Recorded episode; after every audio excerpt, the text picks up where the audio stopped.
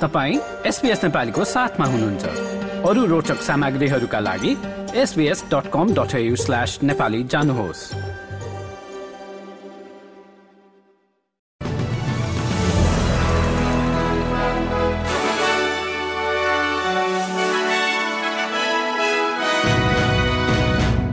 नमस्कार। आज मङ्गलबार बाह्र डिसेम्बर सन् दुई हजार तेइस। अब पालो भएको छ एसपीएस नेपालीमा। आजका प्रमुख अस्ट्रेलियन समाचारहरू सुन्ने। सुरु गरौं क्विन्सल्याण्डको प्रिमियरसिपको प्रसङ्गबाट। क्विन्सल्याण्डकी स्वास्थ्य मन्त्री स्यानन फेन्टिमेनले प्रिमियरको भूमिकाका लागि आफ्नो उम्मेद्वारी फिर्ता लिएपछि डेप्युटी प्रिमियर स्टिभन माइल्सले यो पद लिने भएका छन्। माइल्स र क्विन्सल्याण्डका ट्रेजरर क्यामरन डेक बीच सम्झौता भएपछि डेक डेप्युटी प्रिमियरको भूमिकामा आउने अपेक्षा गरिएको छ। संघीय विपक्षीले सरकारको आप्रवासन सुधारले आवास संकटलाई अझै बढाउने दावी गरेको छ। धेरैले आप्रवासनमा प्रस्तावित कटौतीलाई हालको आवास संकटको समाधानको रूपमा लिइरहेको भए पनि विपक्षी नेता पिटर डटनले सरकारले विदेशबाट धेरै ट्रेडिङमा लाग्ने मानिसहरू नल्याउने निर्णय गर्दा आवास आपूर्ति गर्न कठिन हुने बताएका छन्। रिजर्भ ब्याङ्कले भुक्तानी प्रवृत्तिमा देखिएको परिवर्तनलाई सम्बोधन गर्न नयाँ नियामिक ढाँचा आवश्यक भएको बताएको छ।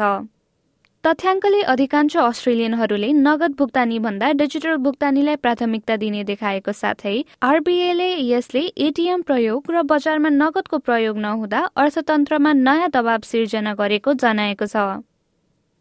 अब अन्तर्राष्ट्रिय प्रसङ्गमा व्हाइट हाउसले अक्टोबरमा इजरायलले दक्षिणी लेबननमाथि गरेको सैन्य कारवाहीका क्रममा निकै प्रज्वलनशील सेतो फोस्फरस प्रयोग गरेको रिपोर्टप्रति चिन्ता व्यक्त गरेको छ। वासिङटन पोस्टमा सोमबार एघार डिसेम्बरमा पहिलो पटक प्रकाशित भएका रिपोर्टहरूले अमेरिकाले इजरायललाई मानव छालालाई डढाउने सेतो फोस्फरस हतियारहरू प्रदान गरेको आरोप लगाइएको छ।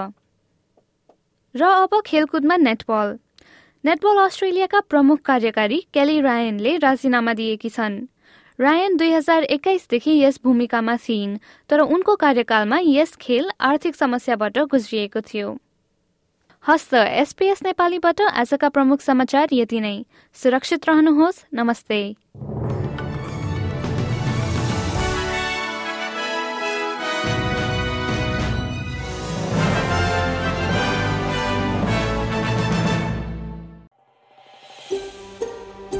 यो जस्तै अन्य प्रस्तुति सुन्न चाहनुहुन्छ? एप्पल पोडकास्ट गुगल पोडकास्ट स्पोटिफाईमा हामीलाई खोज्नुहोस् वा तपाईँले पोडकास्ट सुन्ने अन्य सेवामा।